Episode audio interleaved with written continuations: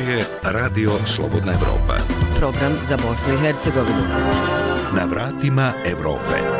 Emisija o evropskim integracijama. Dobar dan. Ja sam Aida Đugum i sa vama sam u narednih pola sata tokom kojih će biti riječi o temama koje se odnose na put Bosne i Hercegovine ka Evropskoj uniji. U nastavku poslušajte. Održana treća povorka ponosa u BiH.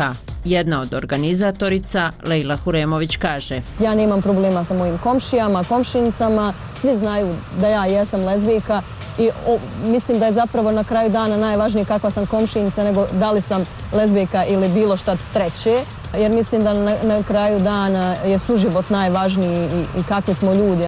Tržište Evropske unije najvažnije je strano odredište za drvnu industriju Bosne i Hercegovine. Najviše se međutim izvoze sirovina i poluproizvodi. Jasmin Kalabić iz Tešnja. Država ako bi htjela treba na određene stimulativne načine da djeluje prema proizvođačima, izvoznicima namještaja, a destimulativno da djeluje prema izvoznicima iz trupaca i poluproizvoda. Svijet je suočen sa drastičnim povećanjem cijena hrane i energenata, a na manifestaciji Dani polja strnih žitarica ukazano je da se mora promijeniti pristup.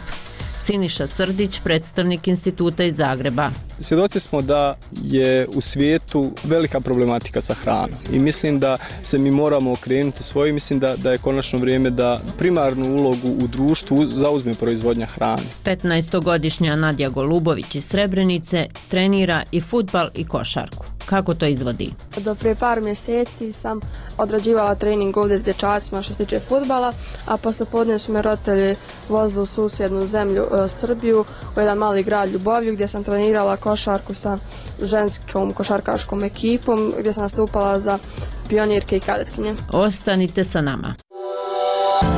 Slušajte nas, gledajte nas, čitajte nas. Sve na jednoj adresi slobodnaevropa.org. Evropska unija potvrdila je spremnost da Bosni i Hercegovini dodijeli status kandidata za punopravno članstvo. Države članice su pozvale Evropsku komisiju da izradi novi izvještaj o reformskom procesu nakon čega bi Evropska unija bila spremna da razmotri mogućnost dodjeljivanja statusa kandidata. To bi se možda moglo dogoditi u oktobru ili decembru 2022. godine. Na samitu u Briselu čelnici država članica Evropske unije donijeli su odluku o dodjeli kandidatskog statusa Ukrajini i Moldaviji i obećali evropsku perspektivu Gruziji. Više o tome u prilogu Adnana Čomora. Pitanje proširenja Evropske unije bilo je centralno tokom samita u Briselu kada je donijeta odluka o dodjeljivanju statusa kandidata Ukrajini i Moldaviji. Obećana evropska perspektiva Gruziji dok iskorak u pitanju Sjeverne Makedonije i Albanije nije postignut. Ono što se desilo u Briselu u četvrtak 23. juna, a odnosi se na Zapadni Balkan, sumirao je predsjednik Srbije Aleksandar Vučić. If I may translate what Ako mogu da prevedem šta je za nas danas bilo važno i ako vi analizirate konkretne rezultate za Zapadni Balkan, nije bilo konkretnih rezultata, ali imali smo dobru diskusiju i nikada to ne bi pocenjivao. A ako me pitate da li su Severna Makedonija i Albanija dobile datum, nisu dobile datum. Da li je Priština dobila viznu liberalizaciju? Nije dobila. Da li je Bosna dobila status kandidata? Nije dobila. Nas su mnogi i kritikovali zbog pitanja oko Ukrajine i Rusije u vezi sankcija i to je to. To je ono što se desilo ako prevedete u konkretne stvari, ali politika nije uvek o konkretnim stvarima. Not always about concrete terms. Evropska unija je spremna da Bosni i Hercegovini dodijeli status zemlje kandidata i u tom cilju poziva Evropsku komisiju da bez odlaganja izvijesti vijeće Evropske unije o implementaciji 14 ključnih prioriteta navedenih u njenom mišljenju sa posebnom pažnjom na one koji predstavljaju značajan skup reformi, kako bi se Evropsko vijeće vratilo da odlučuje o ovom pitanju, stoji u usvojenim zaključcima šefova država i vlada Evropske unije. Odluka Evropskog vijeća da se Ukrajini dodijeli status kandidata za članstvo u Evropskoj uniji, a isto ne učini Bosni i Hercegovini je bezobrazni cinizam i hrvatska politička tragedija, rekao je predsjednik Republike Hrvatske Zoran Milanović. On je oštro kritikovao lidere Hrvatske i Evropsku uniju zbog nedavanja statusa kandidata Bosni i Hercegovini, ali i visokog predstavnika Kristijana Šmita. Gledajte, meni je drago da Ukrajina dobila status kandidata, međutim Bosna i Hercegovina je i prije ruskog upada u Ukrajinu za Ukrajinu bila Švicarska. U Briselu je bio predsjedavajući predsjedništva Bosne i Hercegovine Šefik Džaferović. On je odluku o dodjeli kandidatskog statusa Ukrajini novinarima rekao. Mislim da je i Bosni i Hercegovini trebalo biti dodijeljen status kandidata i da je Bosna i Hercegovina to zaslužila. Zato što je Bosna i Hercegovina proživjela davno ono što danas proživljava, nažalost, Ukrajina. I Bosna i Hercegovina je već 22 godine na svom evropskom putu. Ako je ikome iz geostrateških razloga trebalo udijeliti kandidatski status, onda je to Bosna i Hercegovina. A čestitam Ukrajini i Moldaviji. Reagovao i predsjednik Hrvatske demokratske zajednice Bosne i Hercegovine Dragan Čović. Usvrdio je kako su, citiram, košničari iz Sarajeva najodgovorniji što Bosna i Hercegovina nije dobila kandidatski status za članstvo u Europskoj uniji. Konačno smo dobili nekakvu poruku koju bi trebali svi razumjeti, a osobito predvodnici politika unitarizma iz Sarajeva, nacionalista koji pokušavaju stalno kriviti nekoga za nefunkcioniranje Bosne i Hercegovine, da razumiju da su oni najveći kočničari svih pozitivnih procesa u Bosni i Hercegovini, da razumiju da zbog njih nismo dobili kandidatski status zadnjih šest ili sedam godina. Europska unija za davanje statusa kandidata uslovljava Bosnu i Hercegovinu usvajanjem tri zakona, a oni su ključni za vladavinu prava. Riječ je o zakonu o sprečavanju sukoba interesa u institucijama Bosne i Hercegovine, izmjenama i dopunama zakona o javnim nabavkama, te izmjenama i dopunama zakona o visokom i sudskom tužilačkom vijeću. Šefik Džaferović, predsjedavajući predsjedništva Bosne i Hercegovine, o tome kaže. Ljudi u Briselu treba da znaju, u Evropskoj komisiji, administraciji, to treba da znaju. Treba poslati poruku, ja i to uradio, Dakle, poslao poruku toj ogromnoj većini u Bosni i Hercegovini koja želi od nas sada kandidatski status što brži evropski put. I ohrabrio je. I na taj način obezhrabrio one snage koje su glasale protiv tih zakona u državnom domu naroda. A vi znate koje su to snage. I ja se zalažem za takvu politiku. Bosna i Hercegovina je 2019. godine dobila negativno mišljenje Evropske komisije na aplikaciju za punopravno članstvo u Evropsku uniju. Zemlja treba da ispuni 14 kriterijuma kako bi dobila status kandidata i to su briselske institucije ponadjale godinama. Za Radio Slobodna Evropa, Adnan Čomor. Radio Slobodna Evropa. Emisija o evropskim integracijama. Na vratima Evrope.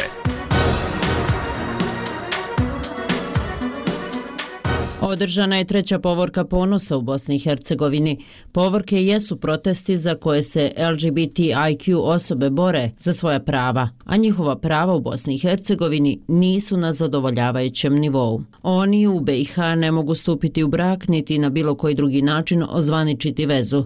Zbog toga mnogi od njih zasnivaju brak ili istospolnu zajednicu u inostranstvu. Ne postoje zvanični podaci o njihovom broju. Priča Andija Mioča. Leila ne bi mogla ozvaničiti vezu sa partnericom u Bosni i Hercegovini jer istospolne zajednice zakon ne poznaje. Duže od decenije vodi borbu za prava LGBTIQ populacije. Ne namjera vodu ustati, govori aktivistkinja Leila Huremović. Kao što i osobe koje nemaju jel, zaposlenje u Bosni i Hercegovini odlaze negdje drugo da, da, da, da potraže svoju bolju budućnost, tako isto rade i LGBTIQ osobe. Nije nestao svijet, niti, je, niti su se prestale proizvoditi djeca jeli, u Hrvatskoj ili, ili Crnoj Gori, naprosto je samo država kao država otišla korak naprijed i, omogućila svojim građanima da imaju jednaka prava. Prava koja većina smatra prirodnim, a bez kojih su istospolne zajednice u pravnoj neizvjesnosti, advokat Nedim Ademović pojašnjava. Jedan partner umre, drugi ne može da naslijedi ili ostane bez posla, ne može da dobije socijalnu skrb, znači bazična prava kao što je zdravstveno osiguranje, socijalno osiguranje i slično. To je omogućeno vambračnim eh, heteroseksualnim zajednicama i to je klasična diskriminacija koja Vijeće Evrope danas apsolutno ne dozvoljava. Prema tome, ovdje se ne postavlja pitanje hoćemo li, želimo li, već moramo. Ademović kaže da je zakonski okvir već pripremljen uz pomoć međunarodne zajednice te da ga treba samo uvesti u pravni život entiteta. U Republici Srpskoj se o tome ni ne priča. U Federaciji Bosne i Hercegovine radna grupa je četiri godine odlučivala treba li novi ili izmjena postojećeg zakona. Lela Huremović navodi. Oni su donijeli odluku da se treba zapravo kreirati jedan novi zakon koji bi regulisao ovu oblast. Sada je na vlad Federacije da zapravo formira novu radnu grupu koja bi radila na izradi ovog zakona. Nažalost, sve je tu stalo. Vlada kaže da je i druga radna grupa završila izvještaj te da će uskoro raspravljati o preporuci da se umjesto izmjene devet zakona donese novi, posebni zakon o istospolnim zajednicama. Do konačnog zakonskog rješenja Ademović kaže da Bosna i Hercegovina može biti tužena sudu za ljudska prava u Strasburu. Ne bi me čudlo da neko se obrati Evropskom sudu sa jednom aplikacijom u smislu da se ne mogu ostvariti ta prava i da dobijemo još jednu prosudu protiv naše države gdje će Evropski sud e, narediti tako nešto. No, za život je važniji komšijski sud i ko je kakva osoba. Šta o tome kažu anketirani Sarajlije? Mislim da treba regulisati svakako i svima mogući njihova prava, ne vidim zašto bi to bilo pravo. Naše zdravlje i ono što je nama najbitnije, mislim da je to neophodno da sva živa biće i da nema veze od naših uvjerenja i, i, i onoga što jesu. Ja volim žene, četiri, pet puta ženi ovo, mislim, a to ne mogu. To mi ne se da, a mislim, treba im dati sve. Treba svakome dati slobodu, jel, ali isto tako uzeti u obzir i mišljenje drugih ljudi koji nisu za to, jel, a ne sad jednima davat prava, a drugi da nemaju pravo reći ništa o tome. Tih prava i privilegija je prema Lejlinim riječima više od hiljadu. Za radio Slobodna Evropa iz Sarajeva, Andi Mioč. Emisiju Na vratima Evrope možete i pročitati na našoj web stranici slobodnaevropa.org. Tržište Evropske unije najvažnije strano odredište za drvnu industriju Bosne i Hercegovine. Najviše se međutim izvoze sirovina i poluproizvodi. Nadležnjima su upućeni prijedlozi koji bi trebalo da rezultiraju povećanjem izvoza finalnih proizvoda od drveta. Priča Arnesa Grbešića. Izvoz drvne industrije Bosne i Hercegovine veći je za nešto više od 100 miliona maraka u prva četiri mjeseca ove godine nego u istom periodu lani, pokazuju podaci Vanjsko-trgovinske komore Bosne i Hercegovine. U prošloj godini vrijednost izvoza tog sektora iznosila je blizu milijardu i 700 miliona maraka i za oko 30% bila je veća u poređenju sa 2020. godinom. Domaće firme, međutim, ne prednjače po izvozu namještaja nego drveta koje se obrađuju u inostranstvu. Sekretarka Asocijacije drvne industrije i šumarstva Vanjsko-trgovinske komore Bosne i Hercegovine Selma Bašagić veći je dio izvoz polufinalnih i primarnih proizvoda od drveta, a nešto manji izvoz namještaja. Bilo koja zemlja u kojoj postoji drvna industrija, mislim finalna prerada, traži sirovinu. To je jako pogodno da se naša sirovina izvozi jer mnoge države i štite svoju sirovinu. To je isto i sa rezanom građom, međutim najlakše je i raditi u tim firmama zato što praktično malo zapošljavaju i tu je potrebno mnogo jeftinija oprema, da tako kažem, nego recimo u nekim fabrikama namještaja ili finalne prerade drveta. Firme Standard i Ingrat iz Prnjavora i Gračanice izvoze gotove proizvode na tržište Skandinavije. U pogonima u Prnjavoru pravi se namještaj za jednu od najvećih svjetskih kompanija koja se bavi prodajom namještaja, švedsku Ikeu, dok se u Gračanici proizvodi školski namještaj koji završava u Norveškoj, Danskoj, Švedskoj i Finskoj. Direktor Ingrata Elvis Mejrić to su u suštini njihovi modeli, njihov, njihov namještaj, mi u suštini samo smo proizvođač, mi ne imamo tog nekog odgovarajućeg ovdje razvoja da bi mogli proizvesti neke svoje modele, dizajnirati, razviti, uraditi sve što treba, a mi smo tek to započeli. Po dostavljenim modelima namještaj se proizvodi i u Prnjavoru. Direktor standarda Edin Dacić mi smo stanju i svoje modele da radimo, međutim kod nas mi smo se navikli da radimo u veleo veoma velikim serijama i da bi vi mogli raditi u veoma velikim serijama, vi morate imate kupca koje je zainteresovan da naruči velike serije. To je kod nas slučaj sa Ikeom i tako da smo mi tu našli za naše potrebe idealnog partnera. Razvoj sobstvenih proizvoda za tržište u inostranstvu nije tako jednostavan posao, o čemu Elvis Merić i Edin Dacić kažu. Svi gore proizvodi koji se plasiraju moraju proći određena testiranja, EIN norme, evo imamo podršku dobro iz laboratorije Zenice koja nam radi ta testiranja, ali to košta, naravno svako testiranje 4000 maraka jednog proizvoda. Ako ne prođe, vi morate zrati novi uzorak i ponovo plat. Tako da i u tom dijelu, što se tiče nas, konkretno bilo bi određena dobra, dobro bi došla pomoć. Mora da prođu mehaničke testove, površinske testove, neki recimo artikli koji se transportuju, odnosno prodaju na prekookeanski, trebaju i testov u klima komorama da polože. To je ovako proces koji je složen i potreban, ali tako je a vlastiti masivni namještaj na tržištu Njemačke, Austrije, Francuske i Sjedinjenih američkih država prodaje firma Interproces iz Tešnja. Njen direktor je Jasmin Kalabić. Mi imamo vlastiti brand, vlastiti dizajn i vlastite kuće koje rade distribuciju u navedenim državama. Vlastiti dizajn i vlastiti razvoj nosi određene doze rizika. Dakle, svako tržište ima svoje zahtjeve, svaka grupa kupaca, potencijalnih kupaca ima svoja očekivanja od, od namještaja i u dijelu dizajna i u dijelu kvaliteta i cijena. Mi smo inače sa svojim biznisima izašli izvan Bosne i Hercegovine bez iskustava koja su stečena na zapadu, to bi bilo, bilo jako teško, pa praktično i nemoguće. Ponovo privrednik iz Gračanice, Elvis Mejrić imamo takav status u državi da ne imamo nikakvog poticaja za razvoj i napređenje proizvodnje. Mislim, imaju neki, ali nije to očigledno dovoljno i da onda je velika potražnja sa tim, ajmo reći, sirovinama i na evropskom tržištu i, i svugdje i na svjetskom. Vjerovatno ovdje je relativno to još povoljno i tako da im je lakše pronaći tržište u Evropi za te materijale, onda mi nakladno uvozimo obrađene i odnosno gotove proizvode ovdje u Bosnu. U Bosni i Hercegovini ima više primjera firmi koji razvijaju svoje brendove koje izvoze na strana tržišta te se pojavljuju na sajmovima namještaja u inostranstvu. Bosna i Hercegovina ima niz komparativnih prednosti, poput jeftinije sirovine nego na evropskom i svjetskom tržištu, cijene energije i pored visokih doprinosa prihvatljivije cijene rada, kaže švicarski poduzetnik u Prnjavoru Edin Dacić te dodaje. Trebate imati odgovarajuće mašine za to i trebate imati naravno što je često manjak. Ljude koji znaju da rade na tim mašinama u traženom kvalitetu i u sa traženim odnosno sa konkurentnim produktivitetom. Kako do većeg izvoza gotovih umjesto poluproizvoda i sirovine, odgovara i Jasmin Kalabić iz Tešnja. Pa u suštini stvari su veoma jednostavne. Dakle, država ako bi htjela, treba na određene stimulativne načine da djeluje prema proizvođačima, izvoznicima namještaja, a destimulativno da djeluje prema izvoznicima iz trupaca i poluproizvoda. Na način da zabranjuje povremeno jeli, ovaj, izvoz određenih proizvoda ili da subvencioniše određene firme koje drvo evo, pretvaraju finalni proizvod bilo kakve vrste.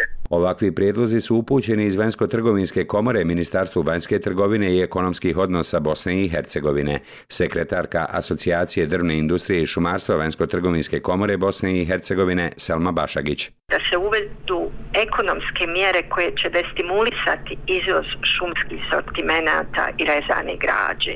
Da li su to neke takse ili neke druge mjere, ali suština je da firme koje su do sad izvozile u tako velikim količinama ipak ne budu više tako stimulisane za povećanje izvoza. Drugo, treba donijeti pravilnik o raspodjeli šumskih sortimenata, da prioritetno se snabdiju naše firme koje se bave finalnom preradom, a onda one koje se bave proizvodnjom nižeg stupnja prerade. Isto tako potrebno je uvesti povoljne kredite za izvoz finalnih proizvoda, za pripremu izvoza, stimulisati zapošljavanje stručne radne snage u fabrikama finalne prerade drveta, smanjiti poreze do prijednose na plate i na taj način uticati na povećanje plata uposlenih u tvornicama finalne prerade drveta.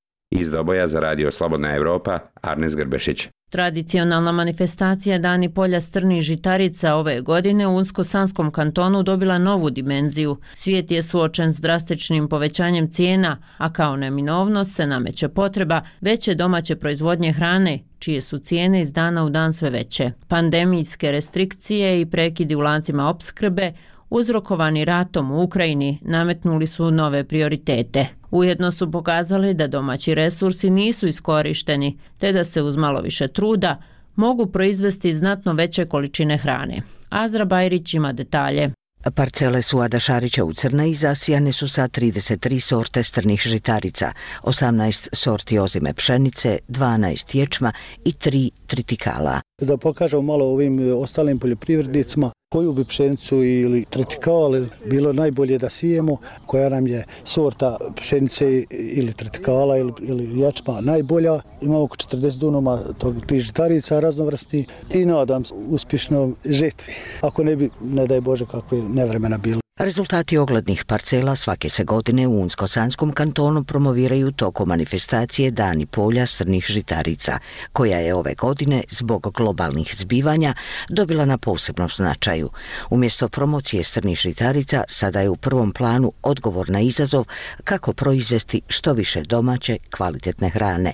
Dr. Dragiša Lopandić, predstavnik instituta iz Zemuna, ističe kako nismo ni svjesni koliko osnovnih životnih namirnica možemo pravažiuojame pro įsviestai da se borimo svi zajedno i mi iz struke i poljoprivredni proizvođači i država kroz posticaje i mjere agrarne politike da stvorimo takav ambijent da što više naših proizvođača gdje god postoje mogućnosti da se obezbijedi vlastita hrana. Jer onaj ko ima hranu on ima i svoju sigurnost i bezbjednost i nije ovisan od volje moćnika i drugih država koji kroz razne nastupe postupaju i ucjenjivački i tako dalje. Tako da eto nažalost ova situacija pokazala da je je to uvijek aktuelno. Znači, borba za hranu, borba za stvaranje ambijenta, da se što više zasije, da se što više prinosi ostrare, je uvijek bila aktuelna i sigurno u narednom periodu će biti još aktuelnija. Slična su i razmišljanja predstavnika instituta iz Novog Sada i Osijeka Adela Sarajlije i Gorana Gvozdena. Svima savjetujemo ovaj da pojačaju sjetvu jer vidimo i sami da ova situacija u svijetu nije dobra i da imamo problem sad sa opskrbom žita i svih drugih namjernica. Svaka godina predstavlja neki poseban e, izazov i posebnu novinu za sebe, ni jedna nije ista, tako da svake godine moramo da se prilagođavamo i da učimo nešto novo, ali u principu nadamo se dobrim rezultatima. Na tradicionalnoj manifestaciji Dani polja srnih žitarica učestvovali su i predstavnici poljoprivrednih instituta iz Novog Sada, Zagreba, Zemuna, Osijeka i Gradiške, a organizator je bio poljoprivredni zavod Unsko-Sanskog kantona. Ogled je u potpunosti uspješan dodatni motiv da se ovoj proizvodnji posveti više pažnje, kaže Mihira Pervis, direktorica poljoprivrednog zavoda Unsko-Sansko kantona. Obzirom na celokupnu globalnu situaciju u kojom se malte ne cijeli svijet, pa tako i Bosna i Hercegovina, vidjeli smo znači od pandemije koronavirusa, pa evo nažalost i ovi sukobi znači, koji se dešavaju, sve to naravno utiče na privredu, a pogotovo na poljoprivredu. To smo vidjeli nažalost kad je počelo znači proljetna sjetva gdje su cijene enormno bile povećane upravo znači zbog ovih razloga. Tako da jedini spas vidim u stvari jer mi zaista imamo prirodne potencijale, zaista imamo resurse. Sama činjenica da na području Unsko-Sanskog kantona tek jedna trećina obradivog zemljišta se koristi, dovoljno govori. I mislim zaista da mi konkretno na Unsko-Sanskom kantonu imamo potencijala i trebamo ga maksimalno iskoristiti. Nije zanemaren ni jedan od glavnih ciljeva manifestacije, promoviranje novih sorti, kako bi se na osnovu njihovog maksimalnog iskorištenog genetskog potencijala uvidjelo koje su to sorte najpovoljnije na terenu s obzirom na lokaciju, nadmorsku visinu i konfiguraciju. U intenzivnijoj proizvodnji, kakvu nalaže trenutna situacija, to je posebno bitno. Siniša Srdić, predstavnik instituta iz Zagreba. Svjedoci smo da je u svijetu velika problematika sa hranom i mislim da se mi moramo okrenuti svoje. Mislim da, da je konačno vrijeme da primarnu ulogu u društvu zauzme proizvodnja hrane. Mi smo upravo ovdje da malo razmijenimo iskustva i da pokažemo te sorte, odnosno te kultivare koji mogu dati izuzetno dobre prinose sa jedne strane, sa druge strane dobar kvalitet. Cijene hrane su na globalnom nivou posljednjih mjeseci znatno porasle, što je neminovno utjecalo i na tržište Bosne i Hercegovine. Jedan od načina prevazilaženja negativnih posljedica jeste intenziviranje vlastite poljoprivredne proizvodnje. Za Radio Slobodna Evropa, Azra Bajrić. U svijetu brzine, kakofonije i površnosti jedan podcast usporava sliku. Virimo ispod površine, fokusiramo gigabajte bitnih životnih fenomena i zipujemo ih u 30 totalno ljudskih minuta. Ja sam Lilo Omeregić-Ćatić, ne diraj mi vodu. Ja vodu sa česme ne pijem, ja sam Nevena Bogdanović. U pekle je zvijezda, izgore se. Ja sam Predrag Tomović.